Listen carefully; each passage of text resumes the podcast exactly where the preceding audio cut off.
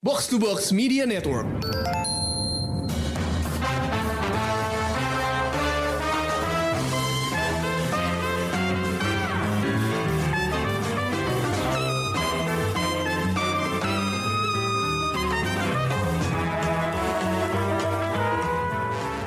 Pendengar Showbox, welcome to our 2023 Oscar Special Edition. Ya, kita di sini mau membahas Oscar karena ternyata nggak disangka banget ya, tontonan Showbox jadi selera Oscar.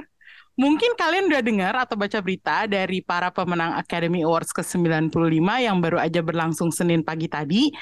Uh, kalau di Amerika masih minggu malam. Uh, yang ternyata menyatakan film pemenang uh, besarnya yang menang di hampir semua kategori besar di Oscar tahun ini adalah film favorit Showbox Podcast di tahun 2022 yaitu Everything Everywhere All at Once. Of course, gue langsung ngumpulin para Showboxers gue, Krisna, Ulil, dan Rengga buat ngebahas fenomena ini. Gimana guys? fenomena. Gimana nih guys? Guys, fenomena dong, fenomena. Kaget sih gue. Nah, ya kan? Nih Everything Everywhere All at Once menang Best Picture, Best Editing, Best Original Screenplay, Best Director, Best Actress, Best Supporting Actress, dan Best Supporting Actor. Ini itu kalau gue sebut fenomena nggak salah dong. Ya. enggak, enggak. Belum pernah kayaknya ya. Nah, ini gue pengen tahu nih kesan dan pesan kalian tentang fenomena ini gimana. Kita mulai coba dari Rengga mungkin. Karena seingat gue Rengga tuh Dia yang paling orang- suka. iya Dia yang paling suka ini. dan orang yang yang berhasil membujuk gue buat nonton film ini buat di review gitu. Pesan dan pesannya Bapak Rengga terhadap Pesan pesan lo Pak, terhadap kemenangan besar ini, Reng. Ya akhirnya beneran ter- terbukti kan ya. Emang filmnya bagus gitu. Diakui oleh kritikus dan penonton. Jadi emang TOP BGT lah film. Gue cuma bisa bilang gitu doang sih. Oke, untuk lebih lengkapnya mungkin kita beralih ke Krisna. eh pertama kaget sih. Kaget Gua- ya? eh, eh, maksudnya gue juga cinta banget sama film ini. Film ini Mm-mm. dari segala sisi sangat bagus, dari sisi aktor, dari sisi teknis, Hmm. ceritanya segala macem. Tapi ya gue pikir sih ini bukan selera akademi ya. Tapi ternyata bisa menang. Wah kaget sih. Kayak eh ya kaget kayak apa ya? Maksudnya eh jarang kan kayak akademi ngasih kesempatan untuk film kayak gini bisa menang di Best Picture gitu. Mungkin kalau di teknis atau yang lain udah sering kali ya. Tapi di Hmm. Picture tuh kayak kemenangan gede sih untuk genre. Betul betul. Filmnya kayak terlalu aneh gitu loh untuk Mm-mm. Oscar. Tapi ternyata Iya. bisa menang. Sebenarnya ini film genre ya, film Iya. yang ada khusus genre, bukan bukan general secara garis besar drama gitu. Kalau drama udah banyak yang menang, tentu aja itu uh, film langganan pemenang Best Picture Oscar biasanya drama gitu. Tapi bahwa ini ada unsur sci-fi-nya, multiverse lagi, itu kan sesuatu yang jarang banget gitu. Nih Sesuatu yang terkesan sci-fi banget yang rumit gitu kan. Iya, itu dia. Terus udah gitu, eh, apa ya? Gue jujur aja gue nggak terlalu ngikutin eh, perjalanan Oscar dalam beberapa tahun terakhir gitu. Mm-mm. Tapi kalau dibandingin tahun-tahun sebelumnya, yang ini paling exciting karena ada film yang gue tonton. Iya nggak sih? Kayak Mungkin kalau gue sih terakhir Parasite kali ya yang bisa memberi gue antusiasme kayak sekarang. hmm, Iya sih, iya, iya. iya. Kayaknya memang Iya, iya. jarang sih. Hmm. Nah, eh, ini coba nih, gue beralih dulu ke Ulil karena eh, sepertinya Ulil nggak ngikutin juga gitu. Tadi pagi pas gue sebut yang menang adalah Everywhere, eh, Everything Everywhere All at Once, Ulil pikir cuman menang sedikit gitu. Terus begitu gue kasih tahu ada tujuh kategori yang dia menangin, Ulil langsung, wow. Gimana Lil kesan pesan lo Lil tentang eh, kemenangan ini? ini sebetulnya sungguh-sungguh mengejutkan saya ya karena pas tahu dapat tujuh langsung banget gitu kayak baru bangun tidur tuh WhatsApp gue udah rame sama everything everywhere all at all at once gitu kayak ah ini ada apa? Gitu. Terus, terus, terus kayak Emmy langsung Lil dia menang banyak. Berapa cuman gitu karena ya ini kan maksudku kayak jarang banget gak sih? Hmm. Asia representatif menyabet ini semua and tujuh gitu. Iya, semuanya disikat yang pen, yang bukan penting, yang bergengsi gitu. Bukan Iya, cuma best picture aja. Jadi kayak oke. Wah, kayak kayak gue oke layak karena pas nonton juga memang se serius itu nontonnya supaya nggak hilang di tengah-tengah. Begitupun dengan visual dan pesan yang ada di dalam film tersebut sih. Oh, oke, gue oke. masih shock sih kayak wow nggak gue nggak kebayang kalau gue ada di bagi gue jadi salah satu bagian di film itu entah itu gue cuman tim wardrobe juga gue kayak gila gue keren banget. Ini sebenarnya Asian representationnya lebih kuat nggak sih? Karena kalau Parasite kan film Korea ya. Ini semacam film produksi Mungkin Asia Amerika kali ya. ah, Asian American gitu. Ini kayak Oh. bukan cuman representasi Asia doang, bukan produksi Asia, tapi beneran orang Asia yang berkarir di Amerika gitu. Iya.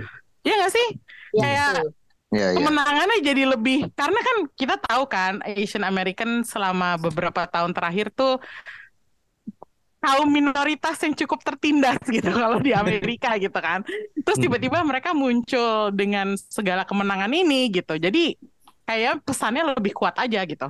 Hmm. setuju sama Emi Setuju Hmm. dan dan kayaknya emang apa ya apa sih juri juri Oscar sekarang tuh banyak juga yang Asian American kan jadi itu gue rasa cukup Hmm. mempengaruhi sih kemenangan ini Hmm. beragam ya iya dulu kan kayak eh, isinya white people gitu kan. Isinya kakek-kakek tua kulit putih Oh. gitu. Jadi yang menang itu itu aja terus gitu kan. Eh, terus sekarang kayak udah mulai banyak Asian American dan udah mulai sedikit berwarna gitu. Jadi itu gue rasa banyak mempengaruhi penilaian juga sih. Akhirnya yang bisa menang si Everything Everywhere ini. Hmm. regenerasi ya. Betul. Ada white guilt juga gue rasa sih ya mungkin mungkin itu itu bener, bener juga sih kayak semacam wah kita kemarin menangin apa The Green Book gitu. Terus itu kan film agak kontroversial ya kayak apa bukan semacam film black movie gitu tapi kayak White Savior. iya white savior movie gitu. Tapi sekarang wah ayo kita sekarang ngebuat buat film yang benar-benar Asia gitu. Asia Amerika gitu. Bener juga sih gue nggak gue agak menduga hal itu juga sih waktu film ini menang. Ya mungkin itu hanya prasangka buruk gue aja. Tapi gue sekarang pengen nanya nih dari kategori mana yang dimenangin sama Everything Everywhere yang paling lo suka kemenangannya Kalau gua oh, sih ini sih apa lu dulu deh ya udah. Gue di Best Director sih karena kan bisa dibilang anak baru banget nih duo Daniel Hmm. ini kan. Mhm. Sementara lawan-lawannya kan ada Spielberg sama Martin McDonagh gitu yang udah kelas berat gitu Heeh, walaupun kayak mereka udah pernah lah ya udah nggak usah dikasih lagi gitu. Cuman menarik sih maksudnya debutan anak baru gitu bisa langsung menang di kategori bergengsi ini terus sama kayak yang menurut gua udah paling no contest gitu ya udah pasti harus ini banget yang menang tuh di editing juga sih. Hmm, itu kayak editingnya kan kita sudah puji-puji ya. Selama kita mereview film, editingnya Iya. kita selalu memuji itu. Jadi bahwa itu menang udah sepantasnya dan biasanya Iya. film yang menang best editing menang best picture. Jadi kayak nggak heran aja gitu. Kalau lo Reng, yang mana Reng? Yang kategori yang paling berkesan buat lo? Eh, best editing jelas Hmm. itu wajib menang terus kalau back best picture itu menurut gue ya itu sih gue nggak nyangka sih bisa menang best picture ya Hmm. itu kayak surprise surprise gitu Eh, tapi yang yang ini banget sih best supporting actress sih yang Hmm. menang si Ke Huai Kwan Oh. ini Jackie Chan KW Nah, Eh, itu kayak kayaknya Oscar juga ngelihat hype-nya kan dari kemarin si Koe kan dapat berbagai penghargaan. Terus kayak ya udahlah emang harus kita menangin nih orang gitu kan. Jadinya comeback banget kan dulu dari dulu yang hilang. Terus ini kayak film pertama setelah berapa tahun tiba-tiba langsung dapat berbagai macam penghargaan. Kayak Oscar nggak mau kalah gitu. Ya udah gue kasih Oscar deh gitu Tapi emang pantes. tapi emang pantas tapi emang pantas gitu makanya gue waktu kita review kemarin juga kan gue bilang itu kayak salah satu bagian yang paling gue suka kan dia Iya. Hmm, jadi iya, dia iya. menang di sini ya gue senang sih senang banget gitu Hmm. Saingannya juga berat loh. iya saya berat banget Ada ada, Brandon si Gleeson, Brandon Gleeson gitu kan waduh waduh Saingannya tahun ini emang sebenarnya berat semua lagi guys. Mm-mm. Kayak nggak cuman Lagi satu bagus-bagus kategori, sebenarnya. di semua kategori Mm-mm. saingannya berat gitu. Michelle Um, aja sebenarnya yang gue pikir udah kayak kayak udah udah hampir pasti menang justru. Hmm, nih Ulil kayaknya kategori favoritnya Best Actress bukan? Bukan ya? itu Amy, itu Amy. Tapi setelah melihat Michelle Yeoh memegang Oscar itu gue kayak gila lo emang layak sih dapet ini. Karena gue suka banget pidato dia Iya. waktu dia bilang lo nggak apa lo nggak perlu apa ya lo nggak perlu peduliin orang pas bilang lo udah lewat masa jayanya gitu. Ya, setuju. iya. As Itu your prime keren itu itu keren banget sih Hmm. kayak wah aktris usia 60 tahun terus udah gitu tadi Ulil bilang apa kulitnya bening Iya cantik banget coy. Cantik banget. Terus gue kayak iya sih dia layak sih. Emang aura nggak bohong ya kak. Tapi selain itu gue setuju sama Rengga sih di film editingnya sih keren. Hmm, ya kita semua setuju sih editingnya memang patut dapat penghargaan ya. Jadi itu udah nggak ada kontes lagi intinya kalau kita ngomongin best editing yang harus menang di apa di Oscar tahun ini itu adalah si Paul Rogers untuk Everything Everywhere All at Once gitu. Iya. Um, nih tapi se- sekarang gue pengen tanya Eh ada Lan- trivia menarik nih soal Michelle Yeoh. Gue baru lihat di Twitter tadi. apa tuh? Ternyata dia ikut dia itu ikut Miss World tahun 83. Tahu gak kompetitornya siapa? Salah satunya. Siapa? Titi Siapa? DJ. Oh my god, Wah, sungguh itu random. agak random ya. Iya, dia kan mewakili Sungguh Malaysia random. kan. tahun 83 lagi. Ya itu, itu aja. speech Oh my god. Baik, Intermezzo, Trivia cukup intermezzo trivia Michelle Yeoh. menambah Oh. fakta-fakta menarik tentang Michelle Yeoh. Oke, nih sekarang gue mau mengalihkan perhatian lo semua ke kelanjutan dari genre ini. Karena tadi kan kita udah ngomong ya, ini bukan film yang sama sekali biasanya difavorit sama Oscar. Dan kayaknya selama gue menonton Academy Awards, gue baru sekali ini ngeliat sci-fi total yang menang. Karena apa ya, terakhir gue mungkin bisa ngeliat semacam sci-fi yang menyerupai sci-fi itu cuman Mad Max Fury Road. Itu kan dystopian sci-fi Ya. dan dia nggak menang. Nggak, nggak, nggak menang Best Picture kan? Nggak menang Best Picture meskipun dia menang kategori teknis ya, banyak banget. Mm-mm. Terus kalau ngelihat mau kita ngomongin eh, tema sci-fi, Avatar. Itu Ya. nominasi tahun 2009 apa 2010 eh, dan nggak menang. Tahun ini juga kan? Iya tahun ini, tapi maksudnya eh, Avatar sekalipun, James Mm-mm. Cameron sekalipun itu nggak menang. Nah, kita udah tahu Academy Awards bisa aja menunjuk satu film yang dibilang oh tahun ini lo spesial gitu. Kayak di awal tahun 2000-an eh, Lord of the Rings Return of the King dan Ya. semua film Lord of the Rings lainnya. Tapi setelah itu nggak pernah ada lagi film fantasy yang menang. Jadi apakah Everything Everywhere All at Once ini membawa angin perubahan terhadap genre sci-fi atau enggak? Atau ini cuma anomali? Gua agak pesimis sih. sama lagi sama Jadi Krishna. kayaknya emang ya emang ini istimewa aja sih. Ya emang sebagus Hmm. itu tapi ke depannya sih gua rasa akan sulit sih bersaing lagi film dengan genre ini kecuali muncul ada lagi yang bener-bener istimewa gitu ya maksudnya nggak cuman kuat di sci-fi-nya doang kan karena kan Everything Everywhere Everywhere ini kan nggak cuman kuat di sci-fi-nya kan maksudnya dramanya pun kuat gitu kan. Eh, Hmm. Elemennya komplit lah gitu. Hmm. Jadi ya butuh kayak gini lagi untuk bisa bersaing gitu. Kalau enggak sih agak susah sih menurut gua. Hmm. Nah ini yang gue takutin kalau misalnya Everything Everywhere terus tiba-tiba di dipatok wah sci-fi sekarang punya kesempatan buat menang di Oscar kayak gue kalau gue sih merasanya enggak gitu Iya. kayak kecil banget kemungkinannya buat buat eh, dia melanjutkan genre ini sebagai favorit di Oscar gitu kalau pendapat Rengga gimana Reng? Setuju sih gue. Hmm. Kayak ya kali ini aja kali ya gitu. Hmm. Nanti-nanti enggak kayaknya deh. Ya ditambah ada ini juga kan kayak yang tadi Rengga bilang agak sedikit muatan politisnya juga kan film ini kan. Maksudnya Asian representative yang kita bahas tadi gitu. Hmm. Iya. Ada momentum itu lagi kan tambahannya yang bikin film ini ya dapet lah gitu.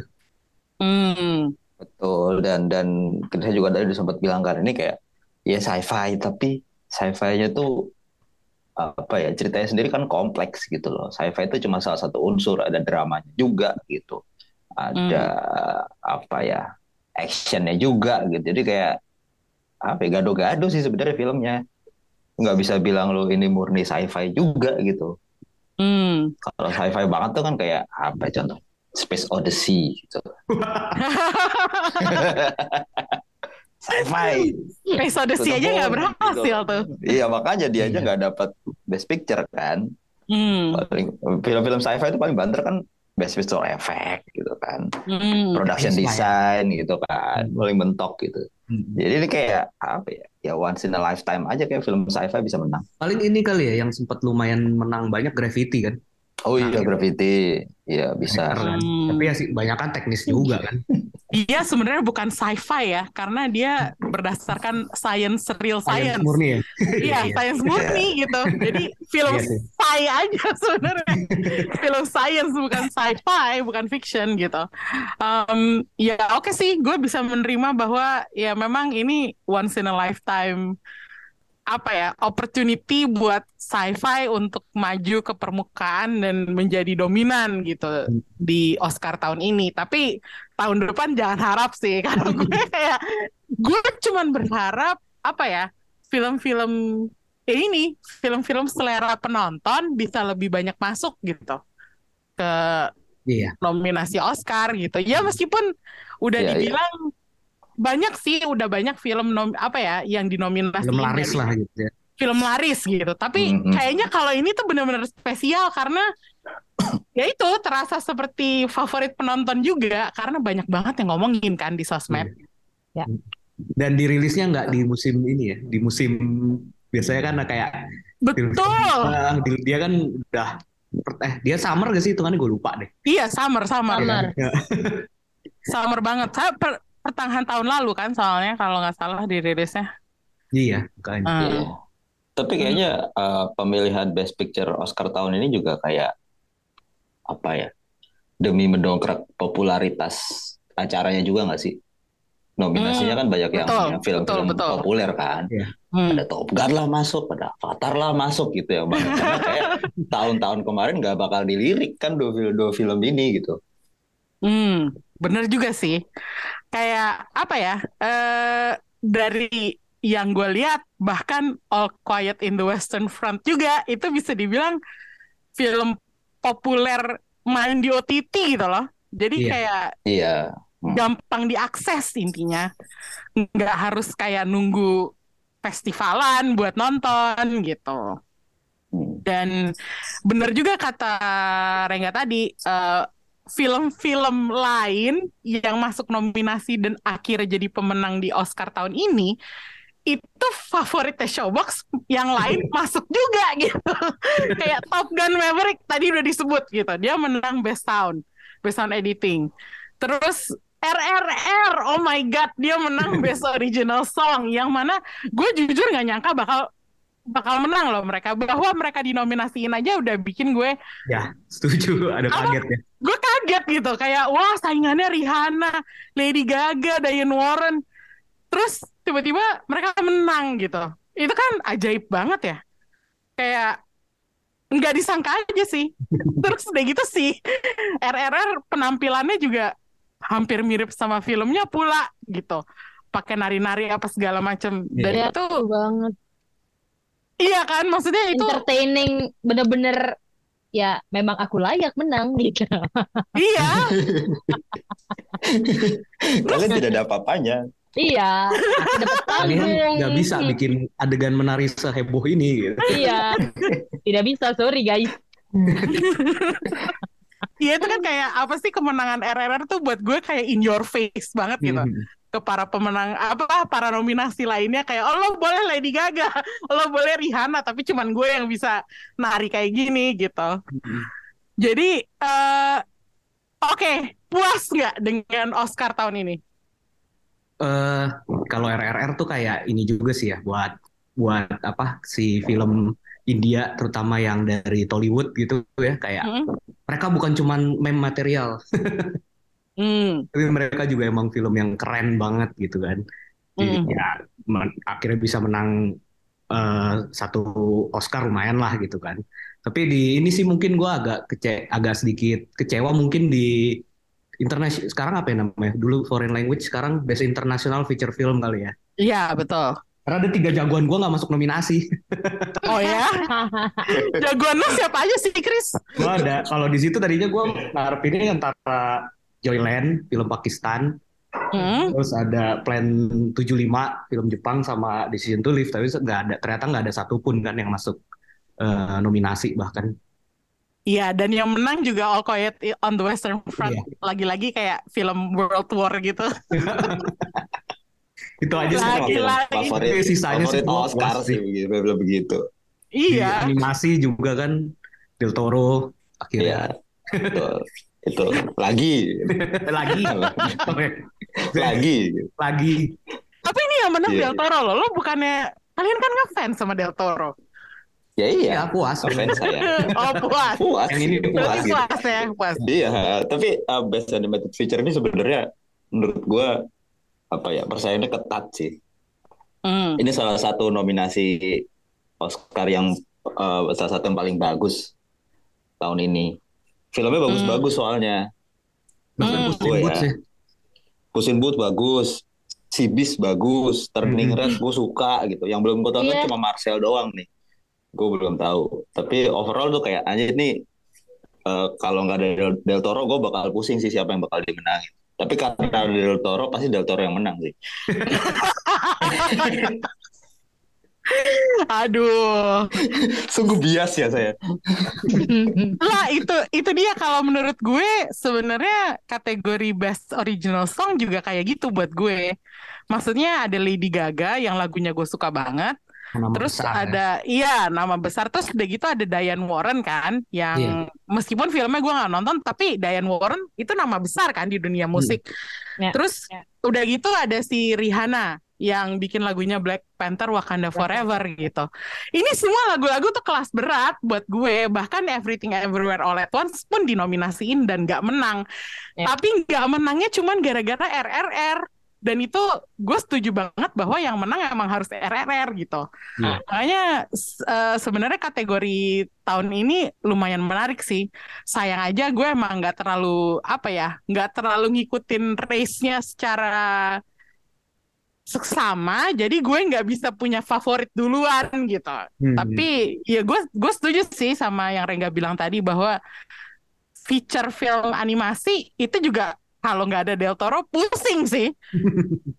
Karena biasanya eh, tahun-tahun sebelumnya yang menang Disney Pixar, Disney Pixar, Disney Pixar. Iya. Iya?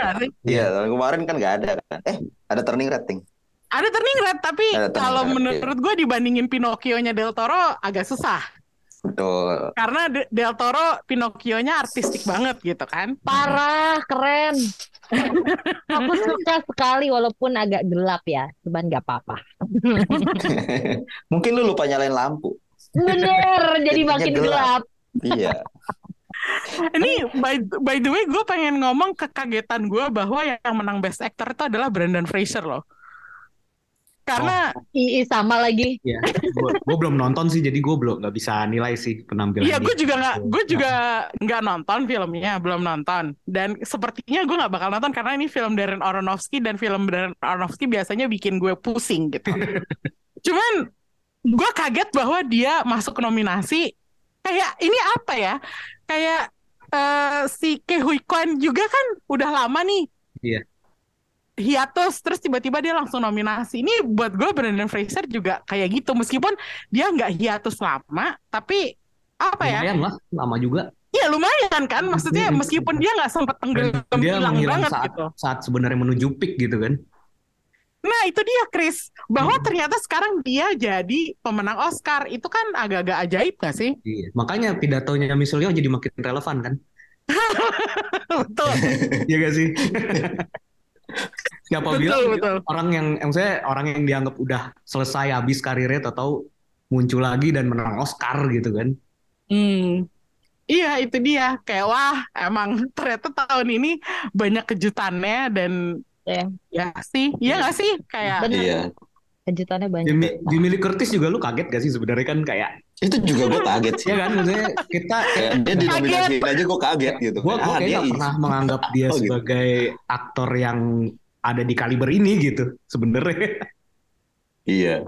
Dia kan nggak pernah main film da- tanda kutip film serius gitu ya. iya makanya. dia tuh lebih kayak scream queen gak sih? Kayak Betul. ya udah Ya, itu yang film-film paling ini horror kan, slasher paling- gitu. Iya. Sama ini apa? Baywatch dulu. Original Baywatch. Baywatch ya Allah tahun berapa?